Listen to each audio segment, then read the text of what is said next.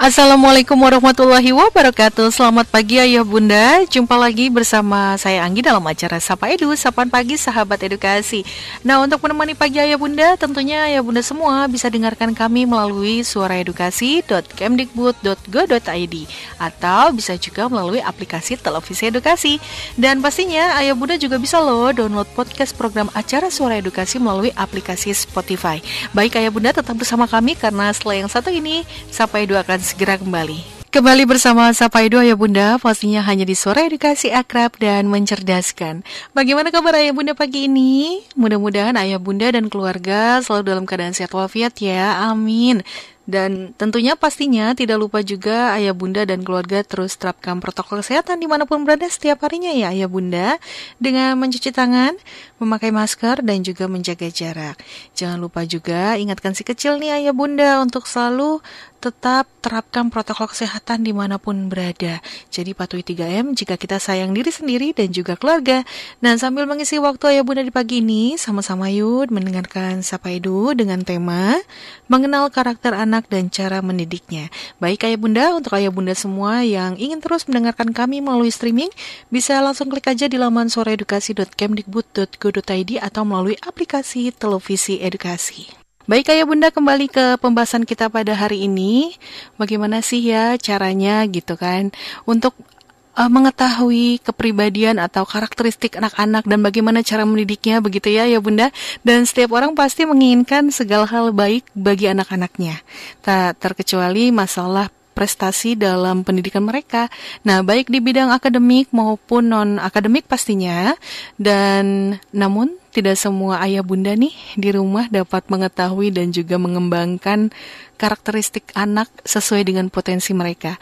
Gak jarang juga para orang tua cenderung memaksa dan mendidik anak dengan cara yang keliru. Jadi misalnya harus mengikuti kemauan ayah bunda, jadi ada sedikit paksaan. Nah, padahal tidak semua anak dapat dididik dengan cara yang sama loh ayah bunda. Anak-anak pun memiliki beberapa kepribadian dan cara pengajarannya yang tepat sehingga potensi mereka dapat disalurkan disalurkan dengan baik. Nah, jadi gimana caranya ya supaya mengetahui gitu kan karakteristik anak-anak kita seperti apa sih dan cara mendidiknya harus bagaimana? Setelah yang berikut ini kita bakalan ngobrol-ngobrol lagi ya Bunda. Jadi tetap bersama kami dalam acara Sapa Edu. Masih bersama Sapa Edu ya Bunda hanya di Suara Edukasi Akrab dan Mencerdaskan. Ayah Bunda, kita juga masih membahas tentang bagaimana sih cara mengetahui karakteristik anak begitu ya dan bagaimana cara mendidiknya. Nah, semua anak memiliki kelebihan masing-masing loh ayah bunda dalam pendidikan mereka juga pastinya ayah bunda punya cara masing-masing baik dalam pembelajaran di sekolah maupun kegiatan lain di luar sekolah. Nah, secara lebih lanjut tentunya ayah bunda bisa melihat anak dari tipe-tipe anak dan agar Bunda tahu cara tepat untuk mendidiknya. Yang pertama adalah tipe anak visual. Nah, ciri-ciri anak pembelajar visual adalah mengandalkan indera penglihatan tentunya untuk memperhatikan atau melihat bentuk atau gambar. Selain itu, anak dengan tipe ini juga cenderung memiliki ketertarikan terhadap buku sehingga minat literasinya sangat tinggi ya Bunda. Maka anak ini jika dikasih buku dia akan baca dan betah lama-lama dengan buku. Nah, mungkin ayah bunda bisa memfasilitasi anak dengan karakteristik ini dengan membuat perpustakaan mini di rumah. Untuk buku-bukunya nggak usah yang baru atau buku-buku yang harus bunda usahakan ada tapi bisa dengan buku-buku yang ada di rumah. Misalnya usia dini begitu ya paling suka kan buku-buku dongeng gitu buku-buku cerita. Nah ya bunda bisa koleksi buku-buku cerita di perpustakaan mini yang ada di rumah gitu. Atau mungkin Beberapa contoh lain dari anak tipe visual adalah jika diajak berbicara, mereka ini kan cenderung melakukan kontak mata pada lawan bicara saat uh, tatap muka langsung begitu ayah bunda. Nah, di sini adalah kesempatan ayah bunda untuk lebih mengeratkan diri ayah bunda. Jadi biasanya untuk ayah bunda yang mungkin bekerja, waktunya kurang pada saat memberikan cerita atau mungkin pada saat ayah bunda membacakan dongeng untuknya, ayah bunda bisa menatap matanya. Baik ayah bunda, kemudian ada juga tipe anak auditori. Nah, anak dengan tipe ini biasanya cenderung lebih senang mendengarkan sehingga orang tua sebaiknya banyak menyajikan informasi melalui berbicara pada mereka atau ajak mereka ngobrol gitu ya ya bunda. Jadi ciri-ciri lain dari anak tipe auditori ini yaitu ketika diajak berbicara, tatap muka langsung, ini cenderung menundukkan kepala dan mengarahkan telinga ke sumber suara. Jadi mereka ini benar-benar menyimak gitu ya ucapan bunda. Jadi mengatur nada suara dan juga bantuan dari bahasa tubuh akan membantu mempertahankan minat dan perhatian anak ayah bunda. Jadi untuk bahasanya ayah bunda bisa disesuaikan dengan usia anak juga. Karena anak-anak auditori ini akan lebih menangkap pembelajaran ketika dibacakan, diceritakan atau segala bentuk pendidikan secara lisan ayah bunda. Begitu. Oke ayah bunda, setelah yang berikut ini sampai dua kalian segera kembali kita sudah tahu ya dua dua karakteristik anak yaitu ada tipe visual dan juga tipe auditori. Nanti kita lanjutin lagi ya Bunda. Tetap bersama kami bersama Sapa Edu. Baik Ayah Bunda, kembali ke pembahasan kita pada hari ini yaitu mengetahui atau bagaimana sih cara mengetahui karakteristik anak dan cara mendidiknya begitu ya Bunda ya. Tadi kita sudah bahas beberapa tipe anak dan agar ayah bunda mengetahui cara tepat untuk mendidiknya. Yang pertama ada tipe visual dan kemudian ada tipe auditori. Selanjutnya ada juga tipe kinestetik ayah bunda. Jadi menurut uh, psikolog, anak-anak yang sering memecahkan barang di rumah atau cenderung ceroboh, ini biasanya termasuk anak-anak dengan tipe kinestetik. Jadi anaknya itu cenderung tidak bisa diam akan tetapi anak tipe ini biasanya yang paling cerdas karena anak ini tidak mau membaca, tidak mau mendengar dan dalam arti ia ini biasanya bisa dengan secara cepat menyelesaikan masalahnya sendiri. Itu banyak sebab ya Bunda. Banyak anak kinestetik yang mendapat nilai jelek saat ujian teori, tapi cenderung mendapatkan nilai yang sempurna pada saat ujian praktek ayah bunda nggak perlu khawatir karena setiap anak kan mempunyai kecerdasan masing-masing. Jadi pastinya anak dengan tipe kinestetik ini tentunya anak yang luar biasa juga. Karena ia mempunyai kecerdasan uh, yang luar biasa ketika praktek gitu dibandingkan dengan teori aja. Nah untuk itu anak tipe kinestetik akan berkembang jika potensinya diarahkan dengan tepat ayah bunda. Misalnya seperti di bidang olahraga atau kesenian. Jadi kalau misalnya si kecil suka banget sama yang namanya olahraga, mungkin kalau di rumah halamannya cukup luas ayah bunda bisa saranakan alat-alat olahraga, misalnya seperti ring basket, begitu. Atau mungkin ayah bunda bisa uh, menyiapkan alat-alat olahraga lainnya seperti bola, atau mungkin raket ya untuk main bulu tangkis gitu. Dan uh, masih banyak lagi fasilitas olahraga lainnya. Atau mungkin ketika anak suka di bidang kesenian, mungkin ayah bunda bisa menyiapkan buku gambar, krayon di rumah. Jadi kalau misalnya si anak mau menggambar, sudah disiapkan sama ayah bunda, sudah difasilitasi begitu. Nah setelah mengetahui beberapa cara pembelajaran anak yang tepat, tentunya ayah bunda perlu mengamati sekecil juga di rumah. Kira-kira potensi atau bakat yang ia miliki bisa dikembangkan nggak? Misalnya bisa dikembangkan melalui lomba-lomba yang bisa diikuti si anak. Nah di sini kan bisa melatih keberanian si anak, kemudian kepercayaan diri si anak. Begitu ya Bunda ya. Mudah-mudahan kita bisa semangat terus untuk mendampingi putra-putri kita belajar dari rumah. Masih bersama Sapa Edu Ayah Bunda, pastinya hanya di suara edukasi akrab dan mencerdaskan. Ayah Bunda, ada juga nih karakteristik anak yang perlu kita perhatikan yaitu dengan tipe sanguinis. Nah, kalau berbicara anak dengan kepribadian sanguinis ini akan identik dengan sifat ramah atau mudah bergaul ya Bunda. Meski terkesan mudah dalam mendidiknya, anak berkarakter sanguinis ini perlu dididik dengan trik tertentu. Bagi anak-anak yang punya karakter ini, mereka itu cenderung akan lebih mudah bersosialisasi dengan teman-temannya atau dengan lingkungannya. Namun, di sisi lain, anak dengan kepribadian sanguinis ini lebih mudah kemudian gitu dan atau kurang disiplin. Jadi perlu cara-cara khususnya ya Bunda supaya orang tua bisa mendidik dan menjalin uh, hubungan yang baik dengan anak tipe sanguinis ini. Kembali bersama Sapa Edu pastinya hanya di Suara Edukasi Akrab dan Mencerdaskan.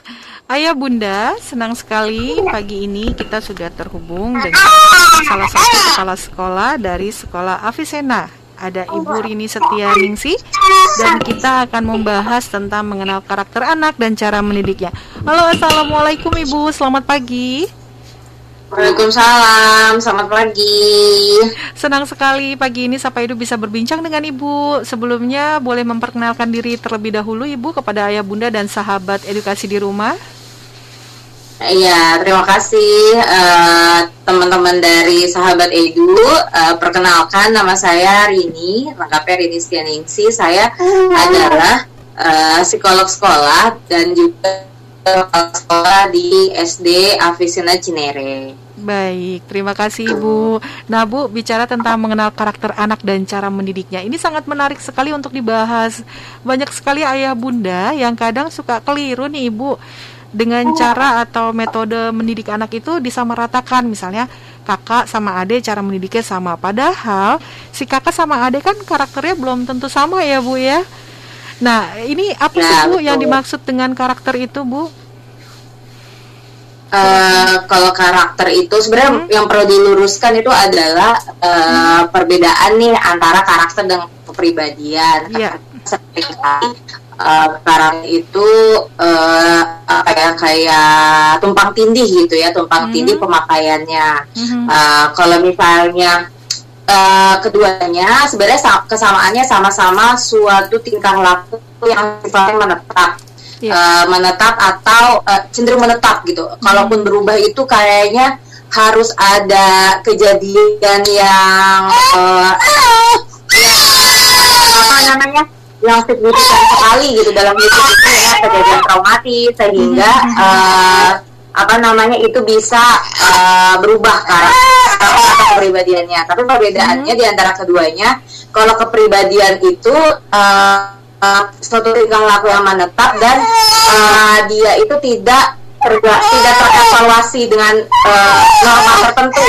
hmm Tapi kalau misalnya karakter itu dia terevaluasi dengan norma tertentu. Maksudnya gimana? Kalau karakter itu bisa uh, ada penilaian baik dan buruk iya. gitu tergantung mm-hmm. dari uh, norma yang berlaku misalnya di Indonesia uh, kalau misalnya uh, seseorang uh, teliti cermat gitu ya uh, apa namanya uh, pangcual dan sebagainya itu uh, dianggapnya adalah hal yang baik sedangkan yeah. orang yang uh, lebih uh, apa namanya lebih berantakan hmm. atau mungkin lebih tidak teratur hmm. dan sebagainya itu dianggap uh, sesuatu yang kurang baik berdasarkan yeah. norma. Tapi hmm. kalau misalnya berdasarkan ke kepribadian hmm. itu tidak ada evaluasi baik buruknya karena baik. keduanya itu hmm.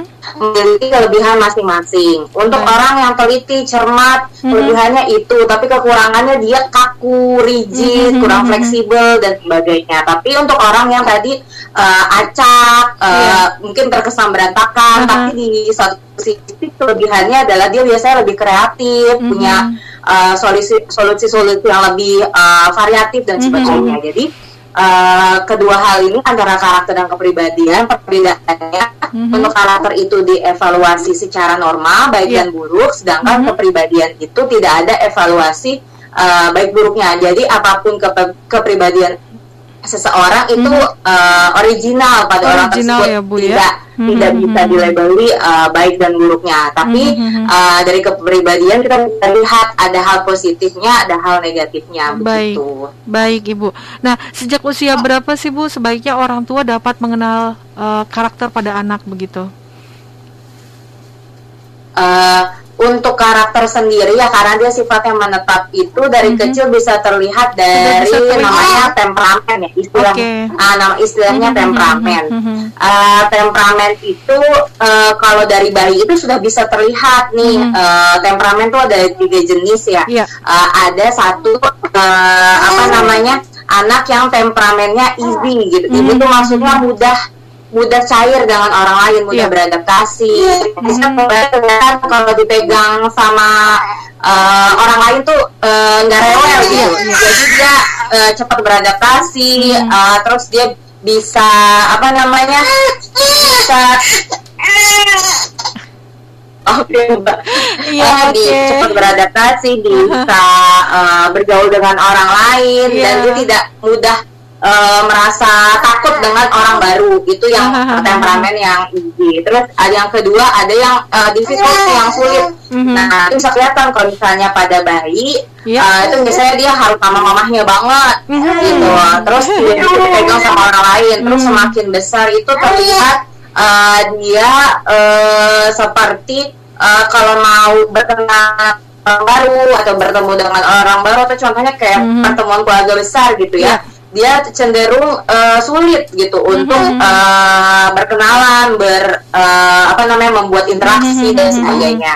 Itu yang kedua mm-hmm. yang temperamen di yeah. yang di tengah-tengah yang ketiga ini yeah. adalah uh, temperamen yang uh, apa namanya uh, bisa jadi easy tapi pelan-pelan mm-hmm. gitu. Jadi harus dipanasin dulu. Yeah. Nah, jadi Uh, contohnya kalau misalnya pada bayi balita, yeah. jadi dia harus dicontohin dulu sama orang tuanya, mm-hmm. uh, di apa ya, di kayak misalnya ketemu keluarga besar, mm-hmm. orang tuanya nyorotin tangan dulu mungkin ke keluarga mm-hmm. kalau besar, harus dikenalin, oh ini siapa, ini siapa, ini siapa, nggak yeah. bisa langsung cair ngobrol atau mm-hmm. ngajak main yeah. uh, saudara-saudaranya, jadi harus dilihat dan tipenya kayak observer terlebih dahulu yeah. melihat-lihat keadaan sekitar mm-hmm. baru jika sudah anggap aman mm-hmm. dia mau uh, terlibat di lingkungannya. Nah dari tiga temperamen yeah. ini itu biasanya bertahan sampai mm-hmm. besar. Apalagi okay. TK TK juga kelihatan sekali. Misalnya mm-hmm. dia baru masuk nih uh, mm-hmm. ke kelas gitu ya uh, ke kelas ada anak yang langsung yeah. ajak main nah berarti dia temperamen terus mm -hmm. uh, tapi ada anak yang diem diem aja sampai berapa bulan juga nggak ngajak main temennya diem mm -hmm. sendiri nah berarti dia tipe yang difficult okay. tapi ada anak yang uh, mungkin ngeliatin temennya dulu uh. gitu terus uh, pelan-pelan ngajak ngobrol hmm. satu-satu mengamati ya bu ya mengamati lama, dulu baru gitu. kita ngobrol hmm. dengan semuanya itu tipe hmm. yang uh, ketiga yang apa namanya ya pelan-pelan uh, terus bisa akhirnya jadi isi. Gitu. Oke, okay, baik Ibu. Kalau tipe anak yang kreatif itu biasanya masuk ke tipe yang mana? Kalau yang kreatif, uh, apa namanya? Kalau kreatif itu bisa uh, dilatihkan ya. Maksudnya, mm -hmm. kalau kreatif itu sebenarnya adalah anak yang berpikirannya tidak uh, apa ya tidak satu satu jalan yeah. gitu, tidak satu opsi jadi dia hmm. memiliki beberapa pilihan alternatif hmm. misalnya uh, bisa dilatihkan dari kecil oh kalau misalnya apa namanya uh, uh, pergi mau hmm. pergi uh, ke rumah saudara atau mau ke mall gitu. Yeah. Jadi dia bisa di orang tuh bisa mematikan kamu mau pakai baju warna merah, mm-hmm. warna biru mm-hmm. atau warna uh, kuning. Jadi terbiasa mm-hmm. punya beberapa outfit solusi mm-hmm. sehingga dia lebih uh, memiliki pemikiran yang variatif tuh yeah. ketika memiliki pemikiran variatif oh kalau aku pakai biru nanti aku rasanya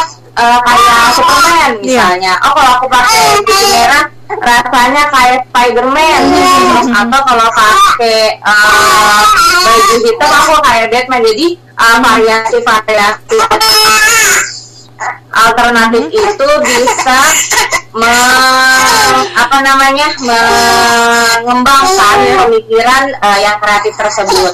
Baik. Jadi uh, nanti berpengaruh nih uh, semakin besarnya kebiasaan membuat alternatif dan memikirkan sesuatu yang sifatnya uh, Oke, okay. baik ibu. Anak kreatif itu pastinya kan mempunyai banyak sekali kegiatan. Tentu sebagai orang tua kita perlu memberinya ruang untuk mengeksplor kemampuannya. Nah, bagaimana cara orang tua memberikan ruang tersebut, ibu, agar dapat mengembangkan kecerdasan si anak sesuai dengan karakternya? Ya. Mm-hmm.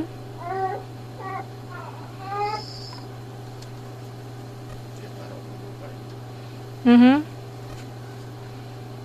Suaranya maaf mbak ke, ke kurang keras suaranya.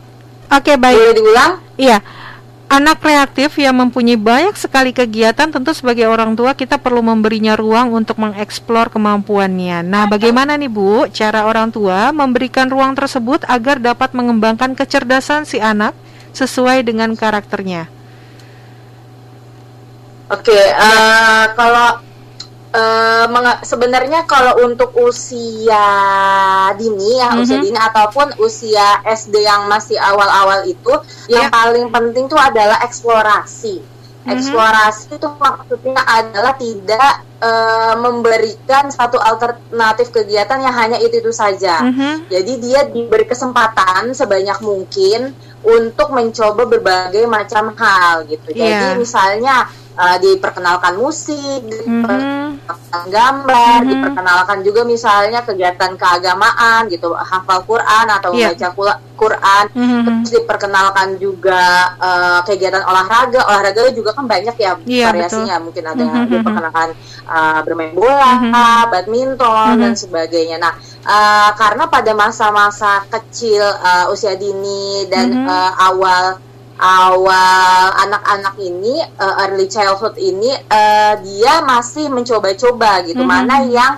uh, sekiranya uh, cocok dengan dia dia yeah. sukai dan sekiranya dia uh, mahir mm -hmm. atau ahli di uh, bidang tersebut. Baik. Nah orang tua perlu jeli nih uh, untuk melihat mana sih yang -hmm. tadi dua dua apa namanya dua kondisi yang disukai anak mm -hmm. dan anak punya kemahiran. Nah kalau sudah terlihat nih ada satu bidang yang anak suka banget dan anak punya potensi di situ yeah. mahir gitu ya bisa untuk mahir uh, itu yang diasah uh, dalam biasanya di menjelang menjelang remaja sih yeah. itu iya. kelihatan sekali mm -hmm. ya ada anak yang suka sekali gambar dan mm -hmm. juga jago gambarnya. Mm -hmm. Tapi ada juga yang uh, mungkin sukanya olahraga, olahraga ya. teman-temannya main bolanya lebih bagus uh -huh. dan sebagainya. Nah, mm -hmm. itu yang perlu jeli dilihat oleh orang tua dan akhirnya diasah sehingga bisa jadi berprestasi. Baik. Tapi kalau untuk mm -hmm. usia uh, apa namanya usia sebelum dini? remaja tuh biasanya oh, masih coba-coba sekali ya masih mm -hmm. karakterasi. Baik. Baik Ibu. Nah, bagaimana cara orang tua membangun komunikasi yang baik kepada anak-anak nih Bu? Karena kan terkait dengan eh, mengetahui karakteristik anak, tentu kita harus menjaga komunikasi yang baik terhadap anak-anak kita. Nah, bagaimana cara membangun komunikasi yang baik tersebut Ibu?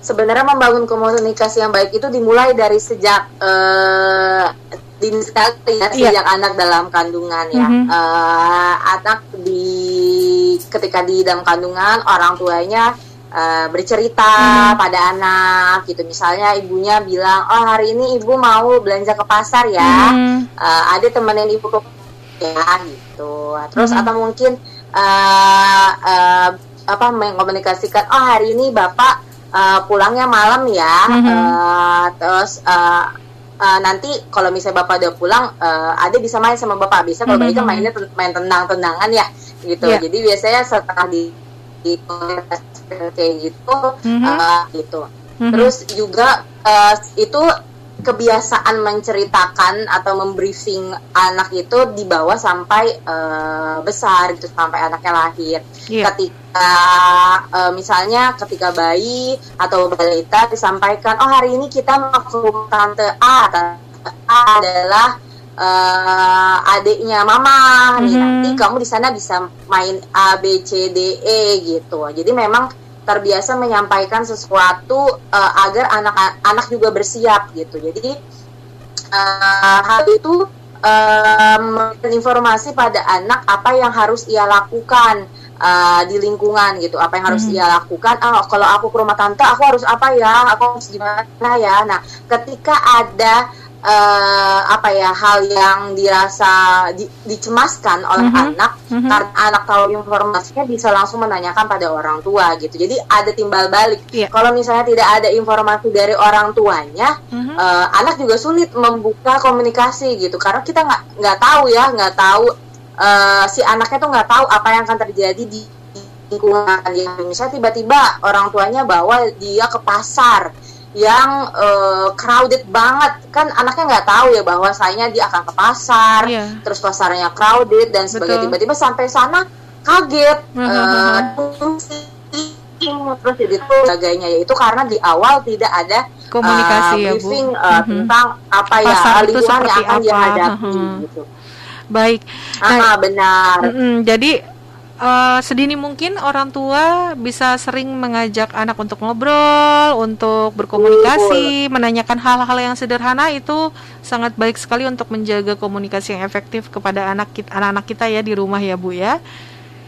Iya. Mm-hmm. Nah, Ibu biasanya tantangannya mm-hmm. kalau udah masuk remaja sih. Masuk remaja ya Bu agak sulit ya. Agak sulit ya karena iya betul. Uh, remaja itu memang berdasarkan riset uh-huh. uh, engagement terhadap uh, orang tuanya uh, bukan engagement ya waktu yang dihabiskan dengan Betul. orang tua itu uh -huh. jauh lebih berkurang dibanding uh -huh. ketika masih anak-anak Betul dan sekali. itu tertinggi waktu yang dihabiskan itu adalah dengan yeah. teman yeah. peer uh, uh -huh. ketika remaja itu uh -huh. oleh karena itu uh, orang tua memang ketika remaja anak remaja tidak yeah. bisa memaksakan nih bahwa anak itu harus sama dia harus apa-apa cerita sama dia yeah. semua cerita sama dia yeah. tidak tidak bisa memaksakan seperti uh-huh. itu ya karena memang berdasarkan riset paling banyak kepada teman-temannya yang bisa yeah, dilakukan oleh orang tua itu mm-hmm. adalah memastikan dia berteman dengan siapa uh, teman yang baik mm-hmm. betul dengan siapa uh, kalau bisa orang tua mencari tahu mm-hmm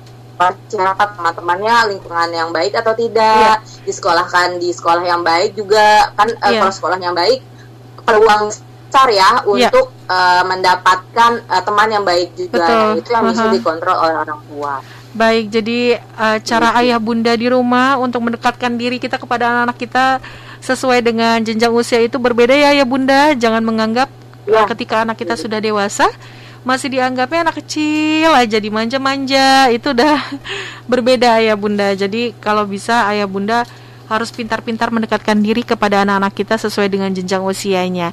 Baik terkadang sebagai orang tua kita suka memaksa nih bu. Apakah ini baik untuk perkembangan si anak ke depannya? Uh, ya itu balik lagi ya memaksa itu se term memaksa itu sebenarnya kurang iya. ya. Yang lebih membangun anak itu mengembangkan anak tuh adalah uh, berdiskusi mm-hmm. uh, orang tua menyampaikan apa yang diinginkan mm-hmm. lalu dengan alasan-alasannya gitu misalnya yeah. masuk sekolah nih yang sederhana mm-hmm. ya uh, mama mau uh, kamu masuk ke sekolah A gitu mm-hmm. misalnya kenapa karena A B C D E tapi anaknya mau dengan mm -hmm. alasan uh, ma tidak mau ke situ tapi mau ke sekolah B misalnya. Mm -hmm. Nah, anak uh, punya alasan uh, A B C D E gitu. Nah, sebenarnya dari alasan-alasan uh, tersebut mm -hmm. itu bisa diskusikan agar yeah. eh, tadi ya memaksa itu uh, bisa dihindari ya karena menjalani sesuatu yang uh, sifatnya tidak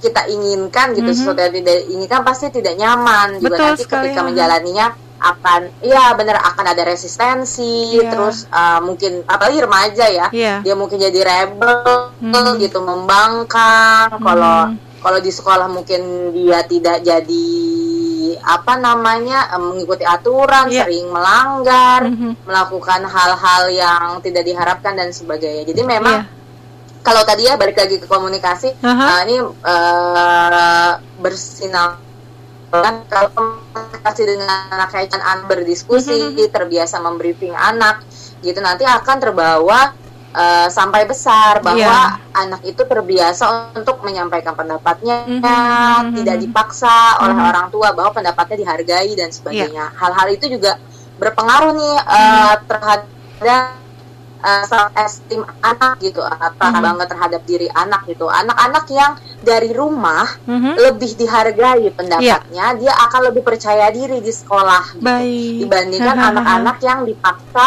uh, dipaksa untuk uh, mengikuti suatu uh, suatu keputusan yeah. dari orang tuanya nah itu oh, biasanya yeah. dia ketika di sekolah juga uh, nurut-nurut aja nurut uh -huh. dalam arti ya tidak tidak bisa mengembangkan dirinya tidak bisa menyampaikan pendapatnya dan Betul. sebagainya gitu jadi memang uh, membiasakan komunikasi dengan anak dari kecil mm-hmm. terus juga memberikan uh, kesempatan bagi anak untuk menyampaikan pendapat terus dihargai dan sebagainya itu berdampak sangat banyak sih mm-hmm. dalam perkembangan anak baik ya. di rumah maupun di sekolah baik jadi penting sekali ayah bunda mengajak anak berkomunikasi, terus juga mendengarkan pendapatnya dan juga apa maunya anak gitu ya. Jangan kita egois, kita ingin selalu anak kita itu berbuat apa yang kita mau, kesian anaknya nanti ya Bu ya.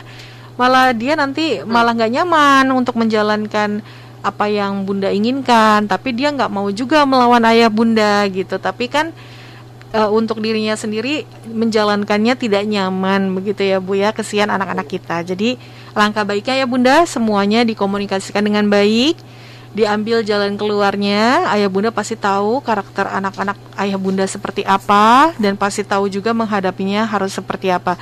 Baik Ibu, terakhir pesan dan harapan terkait dengan tema kita pada hari ini Ibu. Silakan.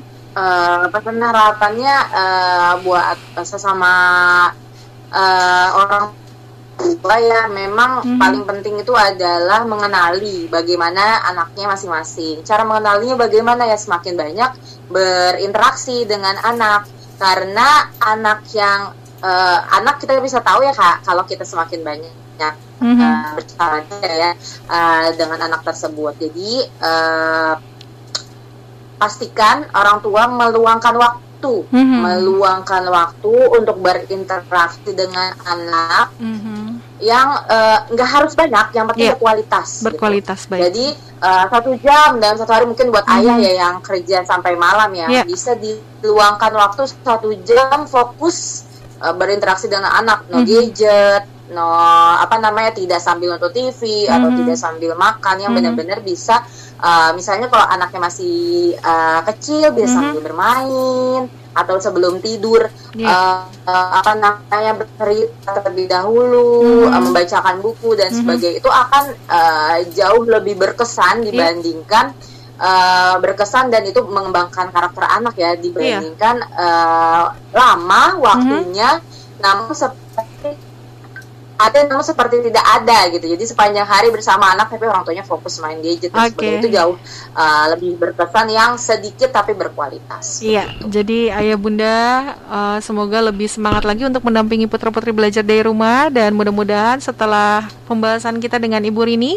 kita bisa menjadi orang tua yang lebih baik lagi. Amin. Dan yang pastinya kita harus tahu karakteristik anak-anak kita dan kita juga yang akan bisa menangani bagaimana cara mendidiknya.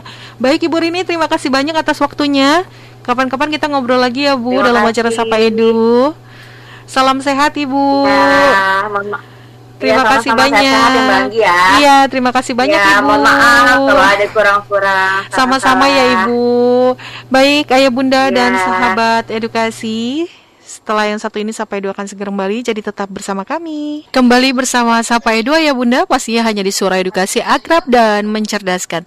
Setiap anak tentunya dilahirkan dengan kepribadian yang unik ya Bunda dan berbeda-beda, namun tempat ia tumbuh memainkan peran besar dalam pembentukan karakternya sebagai anak yang baik tentunya ada di lingkungan keluarga. Oleh karena itu orang tua, saudara, dan juga guru memiliki peran yang besar untuk mengajarkan anak-anak uh, bagaimana cara mengembangkan sifat-sifat uh, yang baik gitu ya atau yang positif dan bagaimana cara ayah bunda juga untuk mendidik anak-anak sesuai dengan karakternya.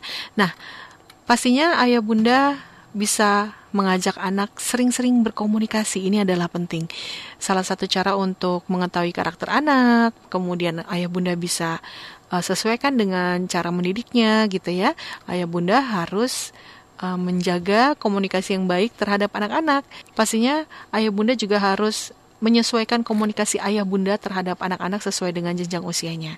Baik ayah bunda tetap semangat terus untuk mendampingi putra-putri belajar dari rumah.